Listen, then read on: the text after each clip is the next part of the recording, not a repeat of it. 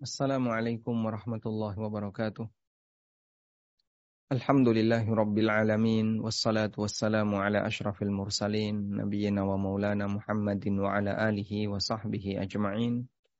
Wa ashhadu an la ilaha illallah wahdahu la syarikalah wa ashhadu anna Muhammadan abduhu wa rasuluh sallallahu alaihi wa ala alihi wa sahbihi wa man tabi'ahum bi ihsanin ila yaumiddin.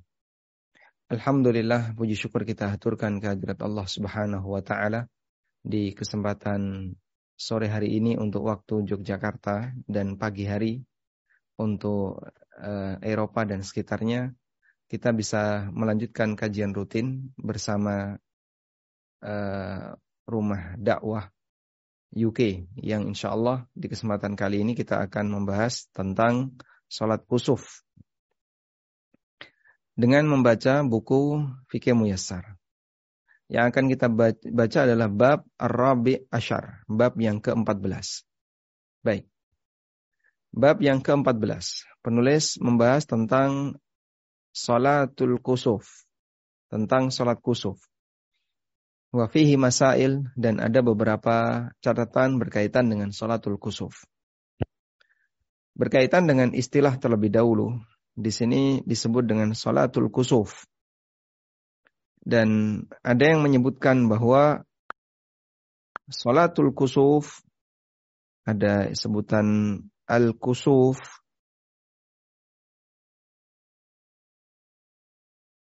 dan ada al-khusuf. Pakai kha. Yang ini pakai kaf, kusuf, yang ini pakai kha, khusuf. Ada yang mengatakan ini untuk matahari. Sedangkan khusuf untuk, bulan. Baik. Sehingga sholatul khusuf adalah sholat gerhana matahari. Sedangkan sholatul khusuf adalah sholat untuk gerhana bulan. Ada yang menyebutkan demikian. Meskipun ada yang mengatakan mau disebut sholatul khusuf maupun sholatul khusuf, hakikatnya sama yaitu kejadian gerhana baik matahari maupun bulan. Baik.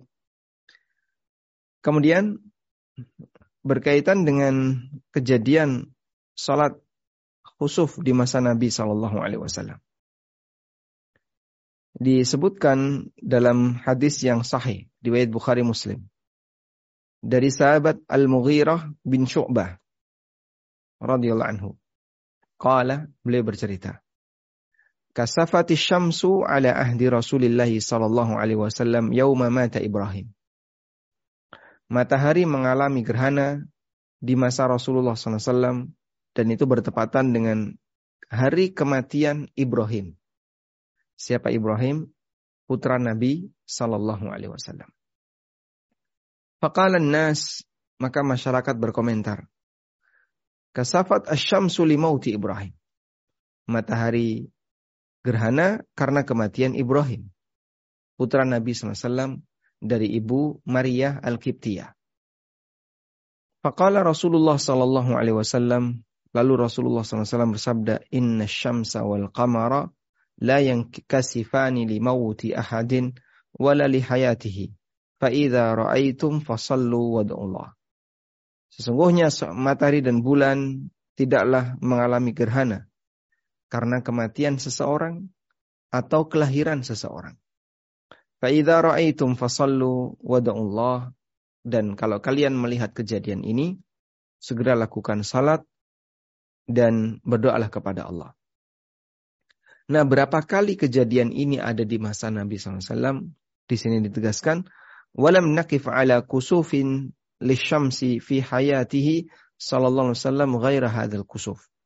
Kami tidak mengetahui adanya kejadian gerhana matahari di masa hidupnya Rasulullah SAW selain satu gerhana ini, satu kejadian ini, yaitu kejadian gerhana matahari bertepatan dengan meninggalnya Ibrahim bin Muhammad sallallahu alaihi wasallam. Wa in kana ba'du ahli al-ilm yara bi anna an-nabiy sallallahu alaihi wasallam qad shalla al-kusufa Meskipun sebagian ulama mereka uh, berpendapat bahwa Nabi SAW pernah sholat kusuf selain kejadian meninggalnya Ibrahim atau salat kusuf ketika meninggalnya Ibrahim bin Muhammad sallallahu alaihi wasallam. Baik. Sehingga di sini bisa kita catat berkaitan dengan kejadian gerhana. Kejadian gerhana di masa Nabi sallallahu alaihi wasallam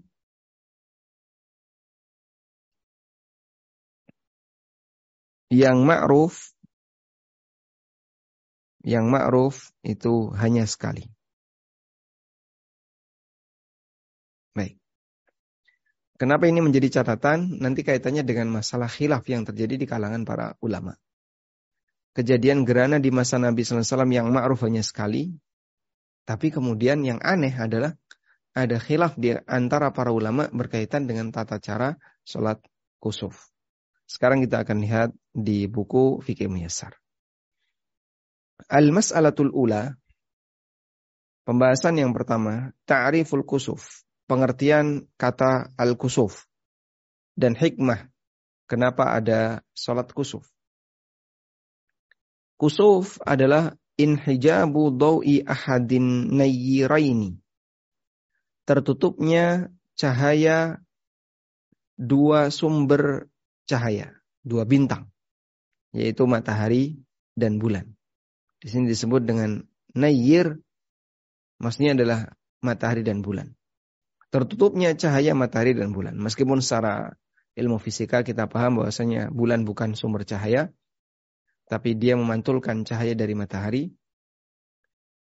Meskipun, nah, namun secara umum yang kita lihat uh, dalam pembahasan berkaitan dengan posisi matahari dan bulan, mereka disebut sebagai sebagai cahaya, disebut sebagai sumber cahaya. Bisa babin ghairi mu'tadin dengan sebab yang tidak umum. Karena terkadang tertutup cahaya matahari dengan sebab yang umum, yaitu awan. Mendung udah biasa. Kenapa kok gelap padahal siang hari? Oh karena mendung. Bagi masyarakat ini udah biasa. Tapi yang luar biasa adalah ketika tidak ada mendung, langit cerah, tapi nggak ada cahaya. Cahaya matahari tertutup. Kemudian dinyatakan wal kusuf wal khusuf pakai kaf maupun pakai kha bimaknan wahid. Artinya sama. Wa yuhadditsullahu azza wa jalla dzalika dan Allah Subhanahu wa taala menciptakan hal itu takhwifan dalam rangka untuk menakut-nakuti para hambanya. Jadi kenapa Allah Subhanahu wa taala menciptakan kejadian-kejadian alam semesta yang luar biasa itu? Tujuannya adalah takhwifan li'ibadihi. Untuk menakuti para hambanya hatta yarji'u ilaihi subhanah sampai mereka mau kembali kepada Allah Subhanahu wa taala. Dan kita bisa lihat ini dalam firman Allah di surat Al-Isra ayat yang ke-59.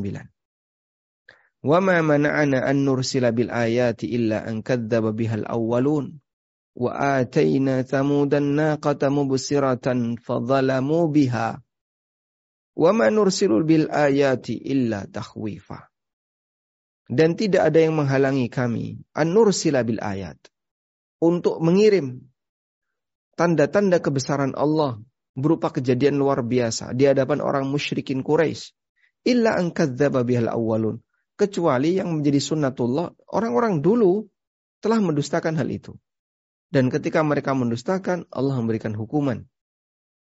Dalam bentuk mereka langsung dibinasakan. Yang dimaksud dengan bagian awal dari ayat ini adalah, kita lihat di, di apa kaitannya dengan ayat sebelumnya. Jadi di ayat sebelumnya, orang musyrikin itu nantang. Nantang Rasulullah SAW. Kenapa Nabi Muhammad SAW kok tidak mendatangkan uh, apa tidak mendatangkan hukuman bagi kami. Kenapa Muhammad tidak mendatangkan kalau memang kami ini dianggap sebagai orang yang menyimpang, dianggap sebagai orang yang melakukan kedurhakaan, kenapa nggak diturunkan hujan batu kepada kami? Atau ditampakkan tanda-tanda kebesaran bukti Muhammad itu sebagai nabi. Ini ada di surat Al-Isra. Jadi mereka itu minta uh, agar diturunkan apa? hujan batu. Ya. Kemudian dijawab oleh Allah Subhanahu wa taala, "Wa ma mana'an an nursila bil ayati illa an kadzdzaba bihal awwal." Tidak ada yang menghalangi kami untuk menciptakan atau untuk menunjukkan kepada mereka tanda-tanda kuasa kami illa an kadzdzaba bihal awwalun kecuali karena dulu orang-orang dulu telah mendustakan. Lalu setelah mereka mendustakan padahal sudah ditunjukkan Allah binasakan. Nah, Allah tidak mau menyikapi Allah tidak berkehendak untuk menyikapi musuh-musuhnya Nabi Muhammad SAW seperti itu. Sehingga begini, para nabi di masa silam, ketika kaumnya itu minta bukti, apa buktinya kalau kamu nabi? Ditunjukkan. Ini lihat, onta keluar dari batu. Ini lihat, ya, kejadian-kejadian luar biasa. Begitu mereka ditampakkan kejadian luar biasa itu, tapi mereka tetap tidak mau beriman, tetap durhaka. Maka Allah Subhanahu wa taala datangkan azab dan mereka semuanya dibinasakan. Nah, pada saat orang musyrik minta seperti itu, Allah nggak kabulkan. Karena kalau dikabulkan, maka pilihannya dua. Mereka mau beriman dan mereka selamat, atau mereka tetap durhaka dan ketika pilihan yang kedua ini terjadi, maka Allah akan binasakan mereka. Karena ini bagian dari sunnatul awali. Bagaimana kebiasaan Allah menyikapi orang-orang di masa silam. Wa atayna thamudan naqata mubsirah wa zalamu biha. Dan kami telah menunjukkan kepada kaum Samud an-naqah. An-naqah yaitu onta yang keluar dari batu. Mubsiratan di depan pandangan mata kepala mereka. Mereka bisa lihat sendiri. Bagaimana tiba-tiba batu itu mengeluarkan onta. Fadzalamu biha, tapi mereka bertindak zalim, akhirnya dibinasakan oleh Allah Subhanahu wa taala. Wa ma nursilu bil ayati illa takhwifa.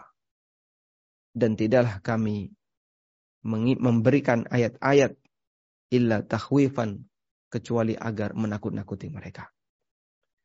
Jadi apa tujuan Allah Subhanahu wa taala menciptakan tanda-tanda alam semesta itu. Kejadian-kejadian luar biasa yang disaksikan oleh manusia. Tujuannya adalah agar manusia itu takut kepada Allah.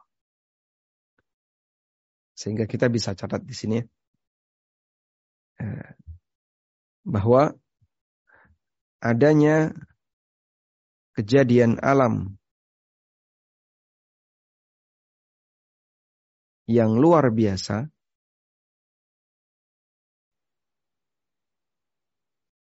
Tujuannya untuk menakuti manusia. Tujuannya untuk menakuti manusia. Baik. Sekarang kita lihat sikap manusia. Sikap manusia gimana? Tidak takut. Bahkan dijadikan hiburan. Ya. Bagi mereka hanya dijadikan hiburan. Sehingga kita bisa lihat misalnya orang-orang kafir ketika mereka menyaksikan peristiwa gerhana.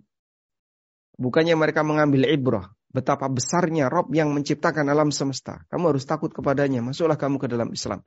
Enggak. Malah mereka, di mana sih kejadian itu? Kalau puncaknya ada di daerah yang dilewati oleh katulistiwa. Mereka datang ke Pontianak, mereka datang ke Palangkaraya, ke daerah-daerah yang itu berada di titik katulistiwa. Lalu mengabadikan situasi gerhana itu. Di foto, di ini, di ini. Masya Allah. Speser pun tidak ada perasaan rasa takut.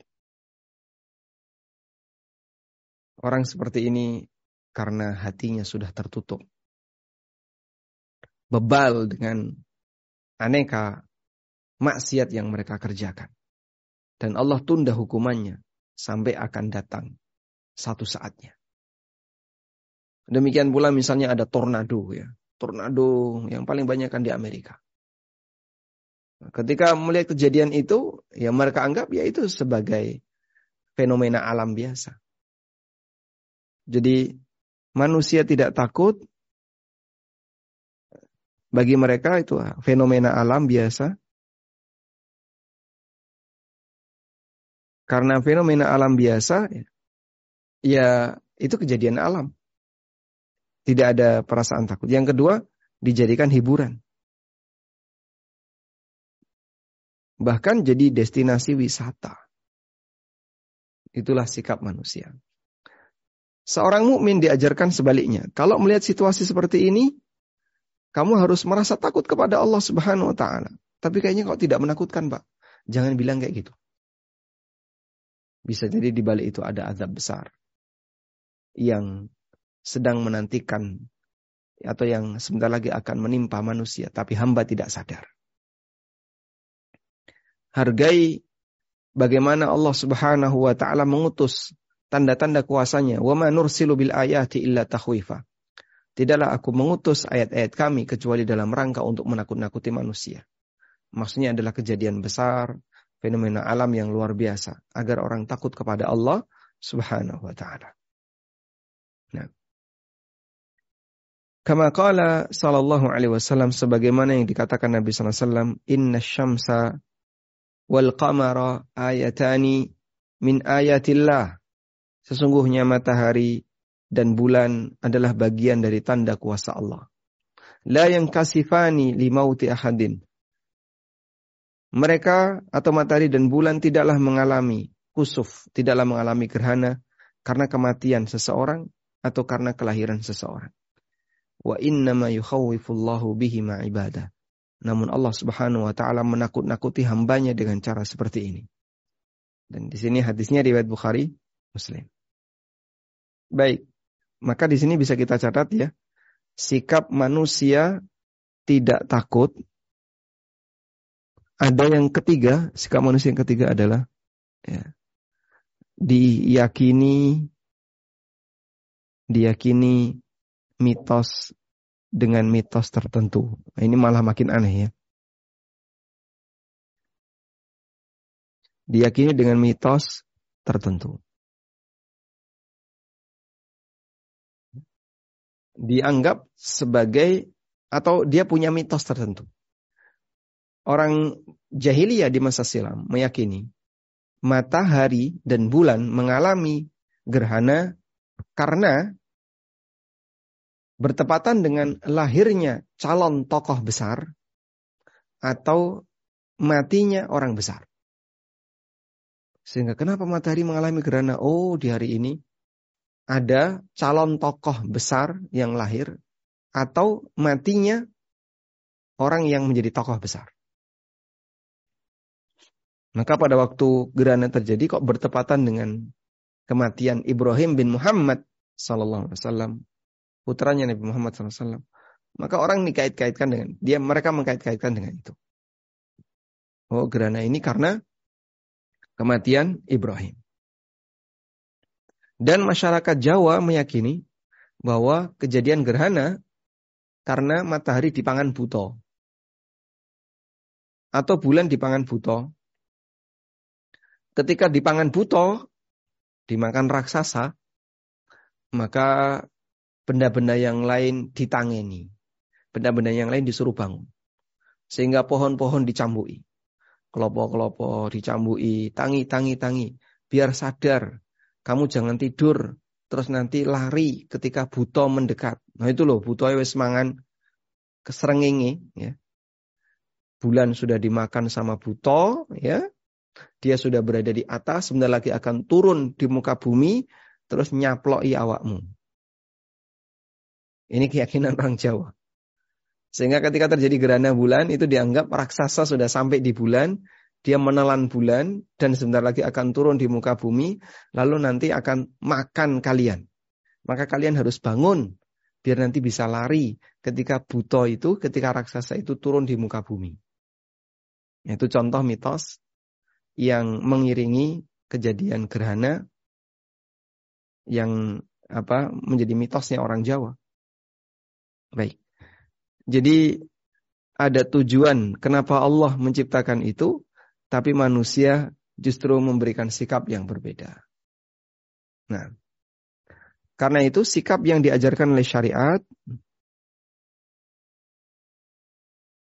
sikap yang diajarkan syariat. Bagaimana sikap yang diajarkan oleh syariat? Takut kepada Allah, lalu banyak beribadah kepadanya. Banyak beribadah kepadanya. Sehingga disyariatkan sholat gerhana, disyaratkan untuk banyak berzikir ketika kita melihat ketika kita melihat kejadian gerhana. Baik, sekarang kita lanjutkan. Al-mas'alatu tsaniyah. Penjelasan yang kedua. Hukmu salatil kusufi wa daliluha. Mengenai hukum salat kusuf dan dalilnya. Salat kusuf hukumnya wajib ala ma sarraha bihi Abu Awanah fi sahihihi. Ini sebagaimana keterangan yang ditegaskan oleh Abu Awanah dalam kitab sahihnya. Wa an Abi Hanifah dan diriwayatkan dari keterangan Abu Hanifah. Katanya Abu Hanifah juga berpendapat demikian. Wa Malikun Sementara Imam Malik menilai bahwasanya sholat kusuf itu majral jum'ah sebagaimana hukum sholat Jumat. Wa qawwa Qayyim dan dinilai lebih kuat oleh Ibnul Qayyim rahimahullah al-qawla biwujubiha. Pendapat yang mengatakan wajibnya sholat kusuf. Wa ayyadahu Syekh Ibnu Utsaimin rahimahullah dan juga ditegaskan oleh Syekh Ibnu Utsaimin rahimahullah demikian pula pendapatnya Syekh Albani bahwa salat gerhana hukumnya wajib. Wa dzalika li'anna an-nabiy sallallahu alaihi wasallam amara biha. Karena Nabi sallallahu alaihi wasallam memerintahkan untuk dilakukan wa kharaja fazi'an ilaiha dan Nabi wasallam keluar dari rumahnya sambil tergesa-gesa untuk melakukan salat kusuf. Beliau tergopoh-gopoh, lalu ngajak para sahabat, ayo kumpul-kumpul as-salatu jami'ah. Diteriakkanlah as-salatu jami'ah. Mau dilaksanakan sholat jamaah. Akhirnya yang lain pada kumpul di Masjid Nabawi. Wa akhbara annaha tahwifun lil ibad. Dan beliau menyampaikan bahwa tujuan dari sholat khusuf adalah tujuan dari keberadaan gerhana adalah untuk menakut-nakuti para hamba. Baik, coba kita lihat di footnote-nya. Disebutkan dalam Fathul Bari Kemudian dalam kitab Salah karya Ibnu Qayyim dan Syarah Munti karya Syekh Utsaimin rahimahullah. Karena itu kembali lagi kita sampaikan bahwa salatul kusuf, salat gerhana, banyak ulama mengatakan hukumnya wajib. Dan wajib di sini, kalau menurut Imam Malik itu sebagaimana Jumatan. Dalam arti jumlah peserta yang hadir harus sejumlah yang cukup untuk bisa disebut Jumatan. Selanjutnya, al-mas'alatu tsalitsa, pembahasan yang ketiga. Waktuha mengenai waktu salat kusuf, salat gerhana. Waktu salat gerhana adalah min ibtida'il kusuf. Sejak mulainya, mulainya gerhana ila dhihabihi sampai berlalunya gerhana. Liqaulihi sallallahu alaihi wasallam berdasarkan sabda Nabi sallallahu alaihi wasallam, "Idza ra'aitum syai'an min dzalika fasallu hatta yanjaliya."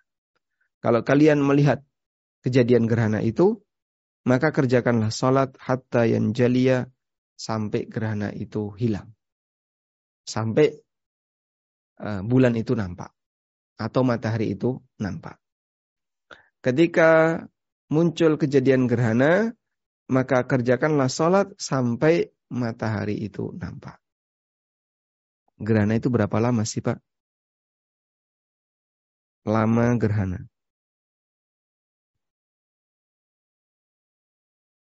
Rata-rata. Ya. Misalnya dua jam. Maka ini adalah rentang atau waktu lama pelaksanaan sholat. Lama dari pelaksanaan sholat gerhana. Masya Allah. Berapa lama sholat gerhana? Dua jam. Masya Allah. Dua jam. Atau satu jam. Ya selama gerhana itu terjadi. Selama gerhana itu terjadi. Sehingga ketika sholat gerhana disyariatkan untuk memperlama berdiri. Baca surat yang panjang. Di Jogja itu pernah ada salah satu masjid ketika gerhana bulan. Itu yang dibaca surat Al-Baqarah full. Dari mulai alif lam mim sampai akhir surat Al-Baqarah. Ya. Sehingga berapa lama itu? Ya kurang lebih dua jam. Masya Allah. Ya jamaah-jamaah yang nggak kuat ya duduk. Yang masih kuat tetap bisa berdiri. Kita lanjutkan. Al-mas'alatul rabi'ah. Pembahasan yang keempat kaifiyatuha mengenai tata caranya wa yaqra'u fiha dan apa yang dibaca dari salat gerhana. Baik. Ada khilaf di antara para ulama mengenai tata cara salat gerhana. Yang ma'ruf adalah dua kali berdiri terdiri dari uh, apa? dua rakaat dua kali berdiri dua kali ruku dua kali i'tidal, kemudian dua kali sujud, dan satu kali duduk di antara dua sujud. Lalu salam, eh, tasyahud akhir, dan salam. Nah, meskipun ada yang mengatakan sholat gerhana itu sama sebagaimana sholat yang lain. Nggak pakai dua kali dua kali itu. Sehingga sebagaimana sholat dua rakaat pada umumnya, yang penting pokoknya dipanjangkan bacaannya. Nah inilah yang aneh ya. Kejadian gerhana di zaman Nabi SAW hanya terjadi sekali. Tapi ada khilaf di antara para ulama mengenai kaifiyahnya. Mengenai tata caranya. Coba kita baca di sini. Wa kaifiyatuha. Mengenai kaifiyahnya, tata caranya. Rokatan, dua rakaat. Yakra'u fil ula jahran laylan kana au naharan. Di rakaat yang pertama dibaca keras baik malam maupun siang. Baca Al-Fatihah dan surat yang panjang. Thumma yarka'u tawilan, kemudian ruku panjang. Thumma yarfa, kemudian bangkit i'tidal. Fayas fayusammi wa yahmad wa la yasjud. Lalu membaca sami Allahu liman hamidah, Rabbana walakal hamdu, tapi tidak sujud. Ya. Berdiri, membaca surat gitu ya. Kemudian Allahu Akbar ruku. Subhanallah azim. Panjang. Sami Allahu liman hamidah. Rabbana walakal hamdu. Setelah itu membaca Al-Fatihah. Alhamdulillah. Bismillahirrahmanirrahim. Alhamdulillah. Sampai akhir dari Al-Fatihah. Lalu membaca surat yang panjang tapi lebih pendek dibandingkan yang pertama tadi. Kemudian ruku, kemudian bangun, kemudian sujud, ini dua kali sujud. Tawilatain dan sujudnya panjang. Udah? Setelah itu berarti duduk di antara dua sujudnya berapa? Satu kali. Sujud, duduk, sujud. Terus bangkit ke rakaat yang kedua. Dikerjakan sebagaimana yang pertama. Jadinya sebenarnya ada empat ruku.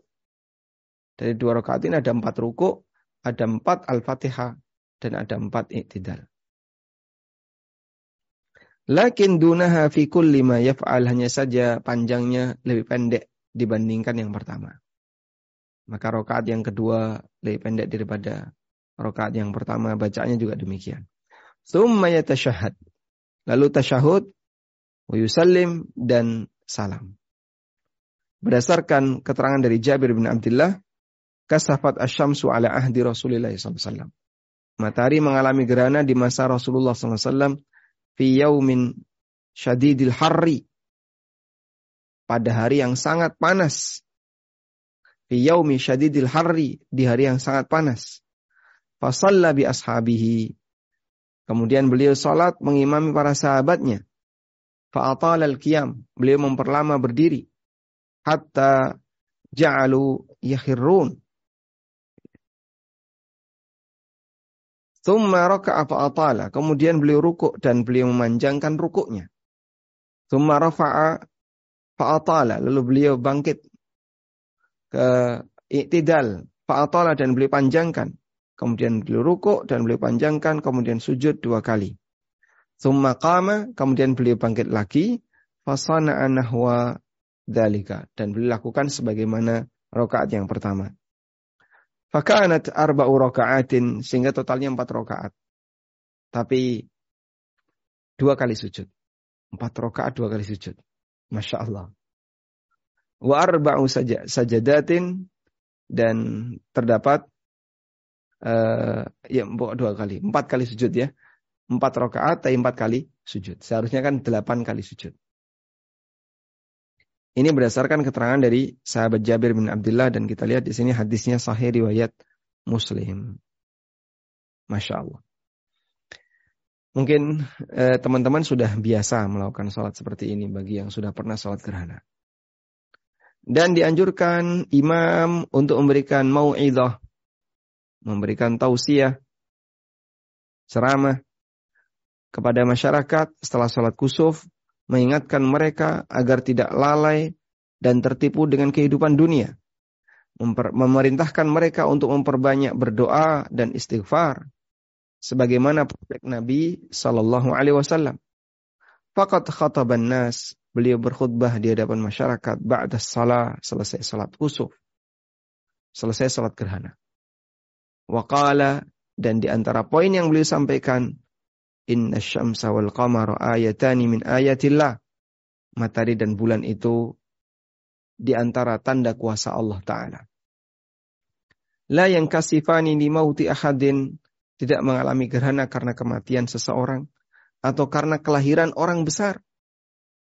Fa'idha ra'aitum dhalika. Kalau kalian melihat kejadian itu. Fadu'ullaha berdoalah kepada Allah.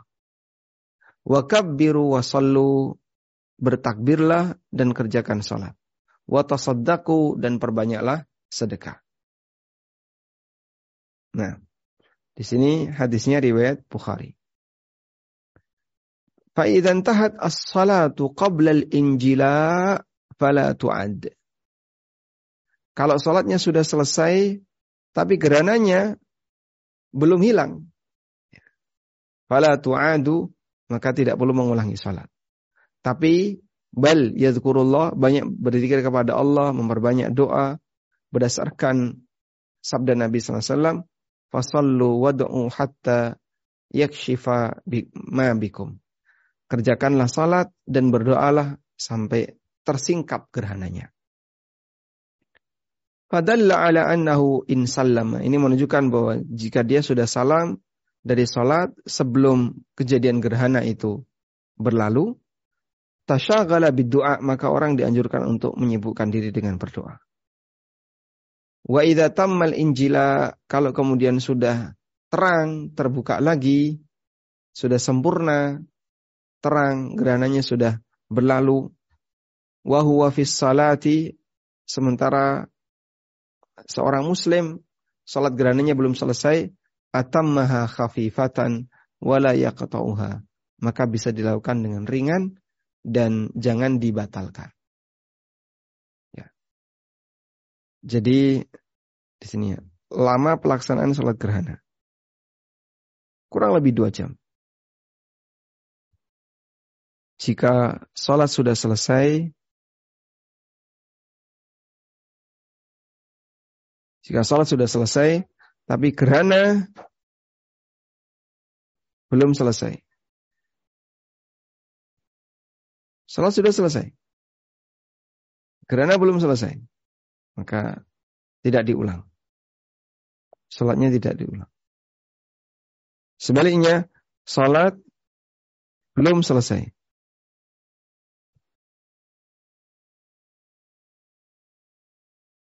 Tapi gerhana sudah selesai.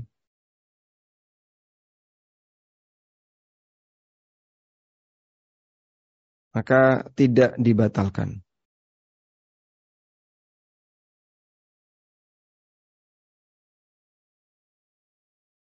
Baik.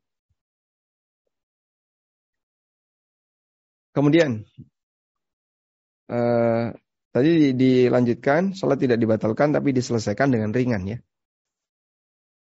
Tidak dibatalkan tapi diselesaikan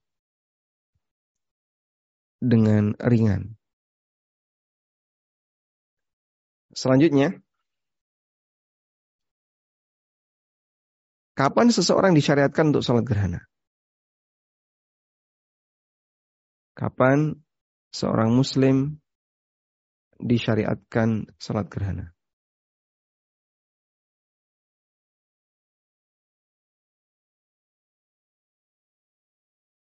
Jawabannya adalah jika melihat jika melihat kejadian gerhana. Bahwa sholat gerhana itu disyariatkan jika melihat kejadian gerhana. Kalau tidak melihat, maka tidak disyariatkan sholat gerhana. Misalnya ya, terjadi gerhana matahari. Tapi kelihatan hanya di Indonesia Timur. Ya. Indonesia Barat nggak kelihatan, Aceh nggak kelihatan, Medan nggak kelihatan. Kalau yang Timur bisa kelihatan, tapi yang Barat nggak kelihatan. Maka yang dianjurkan untuk, yang disyariatkan untuk melakukan sholat gerhana hanya yang melihat. Sementara di belahan daerah yang lain yang tidak melihat, tidak disyariatkan untuk sholat gerhana. Meskipun bisa jadi dia tahu ada kejadian gerhana. Berdasarkan apa? Informasi dari BMKG misalnya. Tapi dia tidak melihat. Sebab Nabi SAW mengkaitkan syariat salat gerhana itu dengan kalimat fa'idha ro'aitum. Kalau kalian melihatnya. Fa'idha ro'aitum. Apabila kalian melihat kejadian itu. Ketika melihat kejadian itu, maka lakukanlah sholat gerhana. Wallahu alam. Di sini selesai salat gerhana dan pembahasan berikutnya berkaitan dengan ahkamul janais, hukum seputar masalah jenazah. Demikian yang bisa kita sampaikan. Semoga bermanfaat. Wassalamualaikum Muhammadin wa ala alihi wa sahbihi wasallam. Alhamdulillah, jazakallah khair Ustaz. Dari jamaah, jika ada yang bertanya, silahkan raise hand. Eh, saya kira belum ada pertanyaan yang sesuai dengan topik. Namun dari saya Ustaz, uh, kalau untuk tadi untuk sholat uh, gerhana ini, seandainya tidak punya hafalan yang panjang, apakah bisa menggunakan Ustaz? Apabila orang tidak memiliki hafalan yang panjang untuk sholat gerhana, maka mereka bisa membaca mushaf. Imamnya bisa membaca mushaf. Karena dibutuhkan untuk panjang, sehingga dia ngimami dengan membuka mushaf. Ya, misalnya seperti ini, dia buka mushaf sambil dia baca sambil bertakbir dia baca oke okay. dan saya pernah ngimami sholat gerhana dengan cara seperti itu hmm. nah daripada nanti beresiko pelegak pelegu karena hafalannya banyak yang hilang maka buka mushaf dan baca mushaf wallahu a'lam Alhamdulillah uh, Maksudnya ada pertanyaan, tapi di luar topik, Ustaz. Mohon izin ditanyakan. Bismillah, Assalamualaikum di luar topik, Ustaz. Apakah ada dalilnya untuk membaca doa ruku, Subhana Rabbiyal Azim, atau doa sujud, Subhana Rabbiyal A'la, hanya sekali, bukan tiga kali? Terima kasih, Ustaz. Waalaikumsalam warahmatullahi wabarakatuh. Dalil baca sekali adalah karena hukum asal perintah itu dibaca sekali. Justru yang kita tanyakan, uh, mana dalilnya kalau dibaca tiga kali? Tiga kali. Misalnya uh, kita diperintah kerjakan A. Hukum asalnya apa? Dikerjakan A. sekali. A. Ya. Kecuali ketika ada penambahan kerjakan A tiga kali. Nah, maka kalau sekali belum cukup harus dilakukan tiga kali. Begitu cara memahaminya. Ya. Karena hukum asal perintah itu Al-aslu fil amri la yaqtadi tikrar. Hukum asal perintah itu tidak harus diulang. Kecuali kalau sebabnya muncul kembali. Ya, misalnya,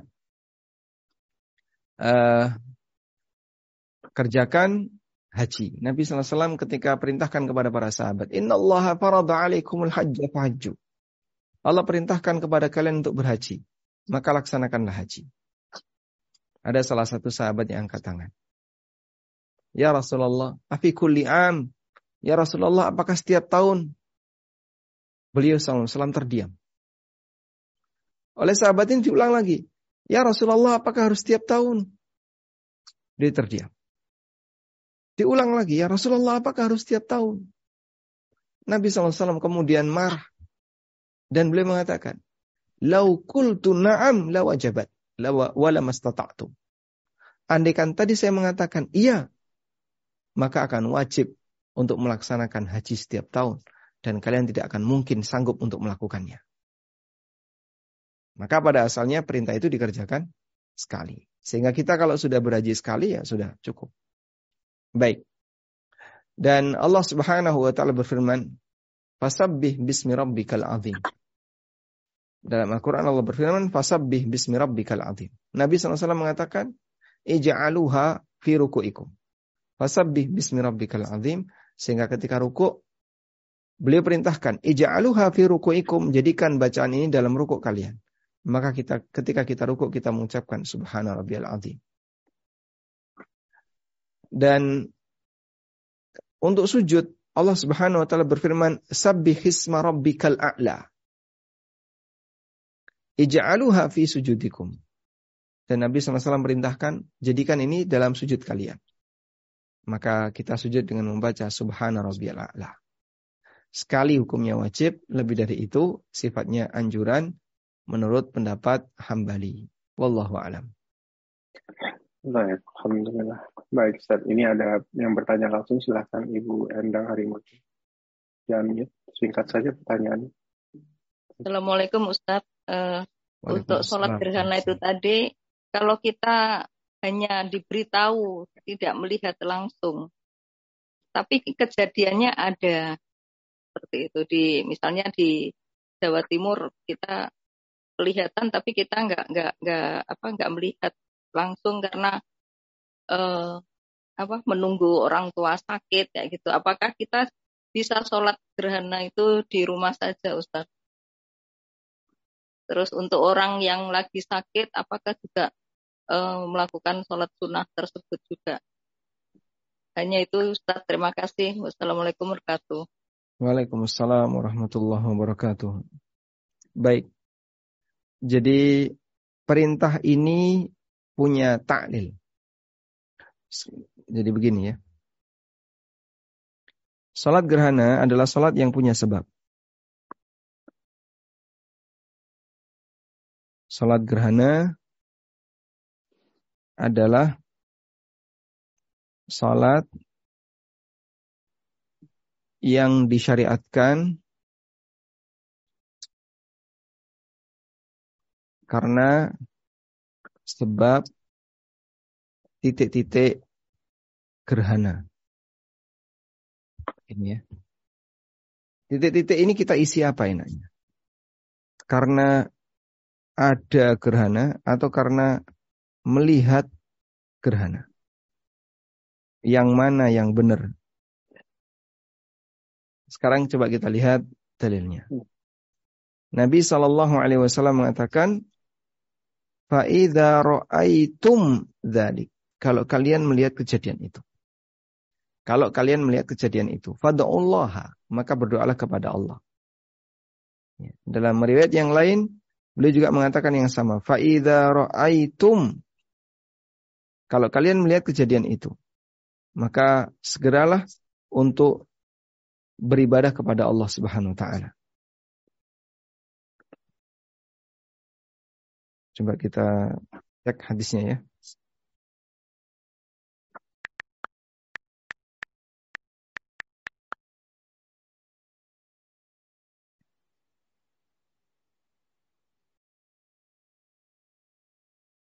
Hmm.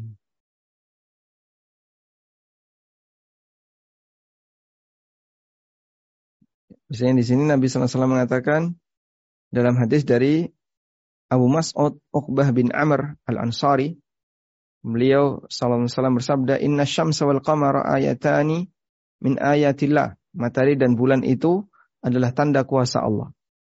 Fa idza ra'aitum minha syai'an.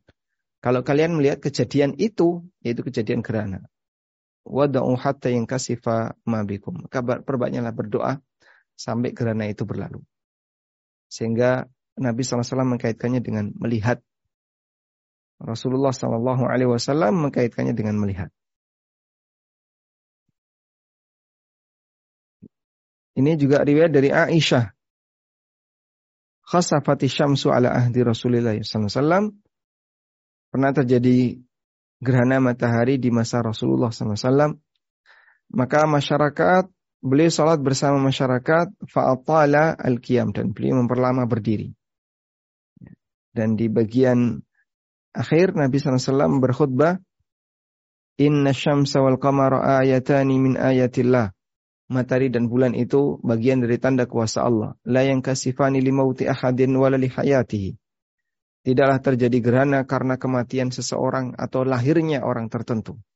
Fa'idha ra'aitum kalau kalian melihatnya. Sehingga kalau saya dapat info dari Pak Rashid misalnya di London saat ini terjadi gerhana. Entah matahari atau entah bulan. Tapi di Jogja terang benderang tidak ada kejadian apa pun. Tak, tak ada nampak tanda-tanda gerhana apa pun.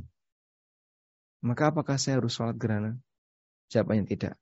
Muslim yang berada di London, sholat gerhana di tempat kami di Indonesia, di Yogyakarta, tidak sholat gerhana. Karena kita tidak melihat kejadian itu. Sehingga sholat ini dikaitkan dengan melihat kejadian, bukan keberadaan kejadian. Wallahu alam. Baik, uh, ini ada pertanyaan. Ada pertanyaan. Uh, maksud saya begini, mohon maaf Ustaz. Uh, saya tahu kalau itu, kalau misalnya saya tidak bisa sholat berjamaah tapi melakukan sholat di rumah, itu apakah boleh karena hubungan ada orang tua sakit? Terus apakah yang sakit ini juga sholat sunnah juga begitu? Baik. Jadi memang misalnya ada uh, gerhana matahari di Jawa Timur dan memang melihat gitu, cuman kita nggak nggak nggak bisa sholat berjamaah ke masjid. Bisa ke masjid. Hmm. gitu.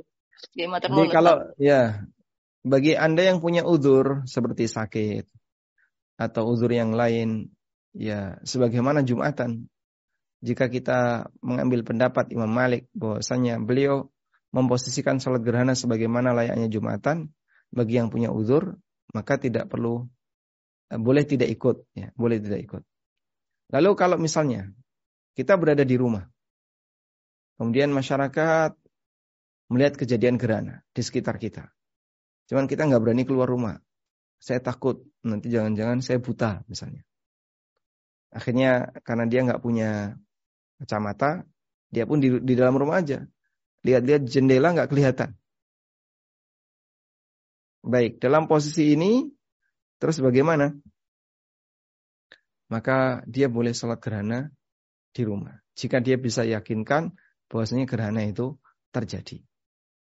Dan kadang gerhana itu tidak kelihatan dengan mata telanjang. Tapi pakai bantuan kacamata warna hitam kelihatan.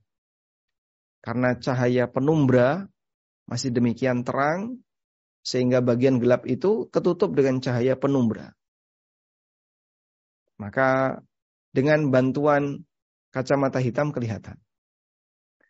Pada waktu saya diminta untuk jadi imam, salat gerhana. Saya pastikan gerhana betul-betul terjadi. Dan harus ada bukti. Akhirnya saya lihatin terus, kok matahari masih bulat aja. Katanya gerhana. Menurut informasi BMKG gerhana, jam segitu, jam segitu gerhana. Sekitar jam jam berapa ya? Jam 8, eh, jam 9 atau jam 10. Ini sudah gerhana. Tapi saya tidak punya bukti. Lihatlah, masih bulat. Dipinjeminlah kacamata. Saya lihat pakai kacamata hitam, betul. Jadi kayak uh, lambang apple ya, apel kerowak. Mataharinya berkurang sebagian. Lalu saya langsung uh, sholat gerhana bersama jamaah. Dan jamaah udah pada siap semua. Karena itu kan diumumkan. Jadi untuk sholat gerhana ini karena melihat atau Anda punya bukti kuat itu terjadi di lingkungan Anda. Ada banyak orang yang bilang demikian. Meskipun kita tidak melihat langsung. Maka kita disyariatkan untuk sholat gerhana. Jika tidak bisa di masjid, silahkan kerjakan di rumah. Jika tidak bisa ke masjid, silahkan kerjakan di rumah. Wallahu alam. Iya, matur nuwun Ustaz.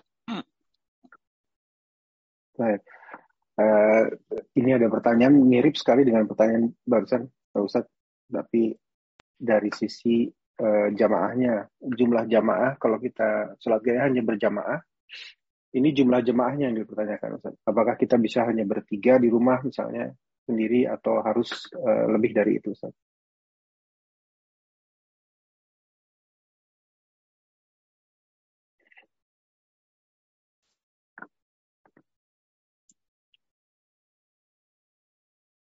Hmm. Ini ada keterangan ya, hukum salat gerhana sendirian. Dinyatakan saya bacakan di sini. Salatul kusufi syamsi furada. Hukum salat salat gerhana sendirian. Tajuzu salatu kusufi syamsi furada. Diperbolehkan untuk sholat gerhana matahari sendirian. Artinya tidak jamaah. Wahada translation. Wahada bittifakim al-madhahib al-arba'ah. Dan ini dengan kesepakatan ulama empat madhab. Hanafiyah, Malikiyah, Syafi'iyah, dan Hanabilah. Dan Hambali. Sehingga sholat gerhana tidak harus dilakukan secara berjamaah. Karena itu dalam pelaksanaan sholat gerhana lam yushtarat lahal jamaah kan nawafil. Tidak disyaratkan untuk dilaksanakan secara berjamaah sebagaimana sholat sunnah yang lain. Ya, sebagaimana keterangan di Kasyaful Kina Al-Buhuti. Wallahu alam. Karena itu Anda bisa sholat sendirian, bisa juga jamaah dengan jumlah tiga orang boleh. Wallahu a'lam. Baik, alhamdulillah Ustaz uh, tepat waktu nih. Pas waktunya, pas juga jawab pertanyaan-pertanyaan sudah habis Ustaz untuk hari ini. Alhamdulillah. Ada Ustaz. satu yang ngerasain oh, ada silakan. Ada yang ngerasain. Oh ya, baik. Silakan Bu Alia. Ya, ini. Silakan. Silakan.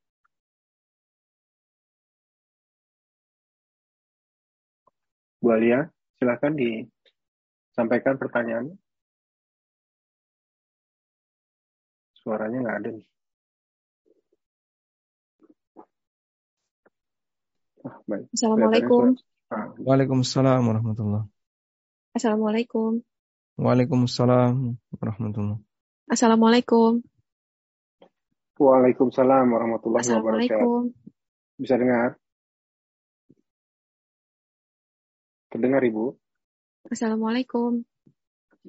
Waalaikumsalam. Sudah terdengar Ibu. Bisa langsung oh. pertanyaannya Bu? Iya. Assalamualaikum warahmatullahi Maaf Ustaz.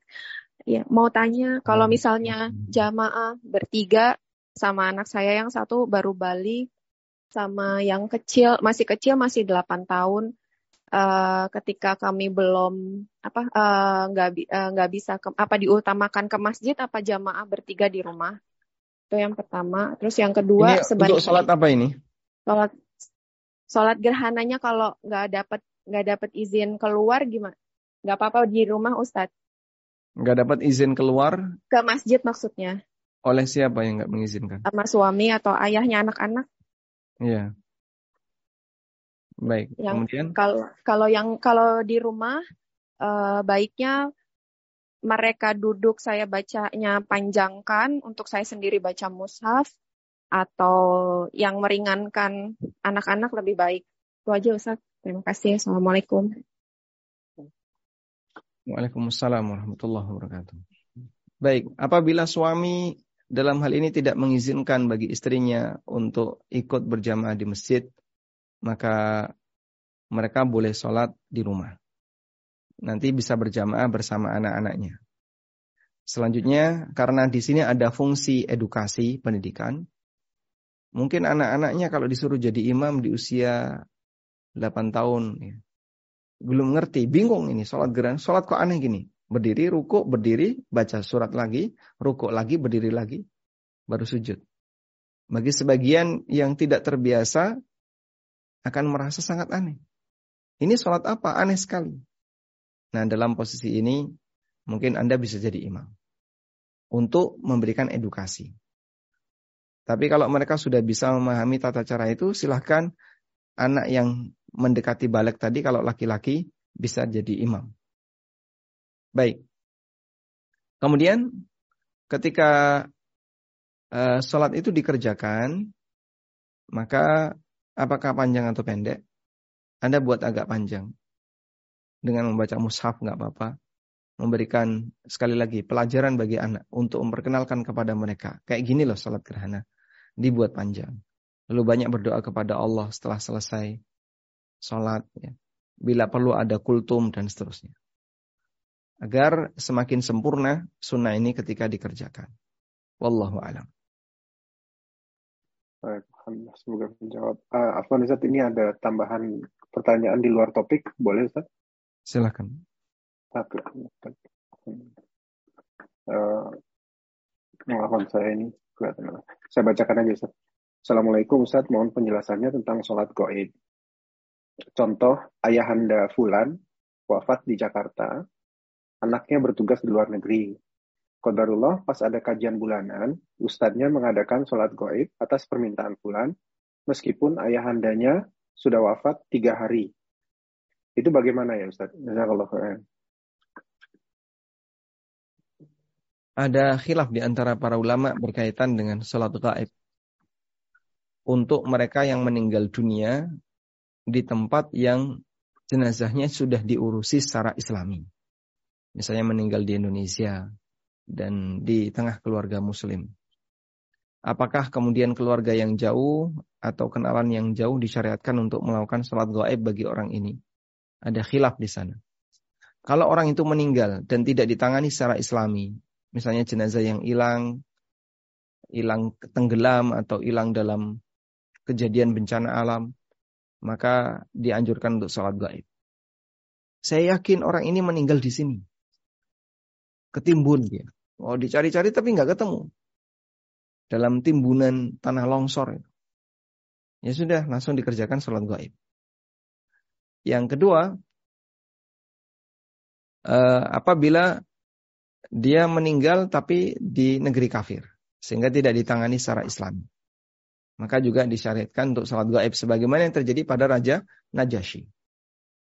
Karena beliau meninggal di tengah uh, kerajaan Nasrani dan ditangani dengan cara Nasrani. Selanjutnya, untuk orang yang dia uh, tidak disolati atau sudah disolati, sudah ditangani secara islami, apakah keluarga yang berada di jauh juga disyariatkan untuk sholat gaib? ada rincian dalam hal ini. Kalau orang ini adalah tokoh besar masyarakat, maka dianjurkan. Kalau tidak, kalau tidak, maka hukum asalnya menurut pendapat yang lebih kuat adalah tidak perlu. Meskipun menurut madhab syafi'i tetap dianjurkan. Sehingga kaum muslimin di daerah yang lain bisa melaksanakan sholat gaib. Walaupun ya, bagi muslim yang lain tidak disyariatkan. Wallahu alam. Ada khilaf dalam masalah ini. Semoga bisa dipahami ya. Kalau Anda menguatkan pendapat Hambali yang tidak perlu salat gaib. Tapi kalau Anda lebih mengikuti Syafi'i, bisa Anda salat gaib. Meskipun meninggal di Jakarta sudah ditangani secara Islami. Wassalamualaikum Muhammadin wa ala alihi wa sahbihi wasallam. Baik, Alhamdulillah, uh, baik Ustaz, saya kira kita sudah cukup waktunya dan sudah habis pertanyaannya juga Ustaz. Mungkin bisa dipandu untuk summary-nya uh, sekalian ditutup Ustaz. Baik, demikian yang bisa kita sampaikan untuk materi kajian sholat kusuf atau sholat gerhana. Dan bagi Bapak Ibu yang barangkali ingin melihat bagaimana tata caranya secara visual, Anda bisa uh, searching di YouTube dengan ngetik kata kunci sholat gerhana di Masjidil Haram, pakai bahasa Arab juga bisa sholatul kusuf di Masjidil Haram nanti kita bisa lihat bagaimana cara imam melaksanakan sholat gerhana dan ceramah-ceramahnya bagaimana. Itu sebagai tambahan jika kita ingin melihat praktek nyata di lapangan berkaitan dengan tata cara sholat gerhana. Demikian, semoga bermanfaat. Wassalamualaikum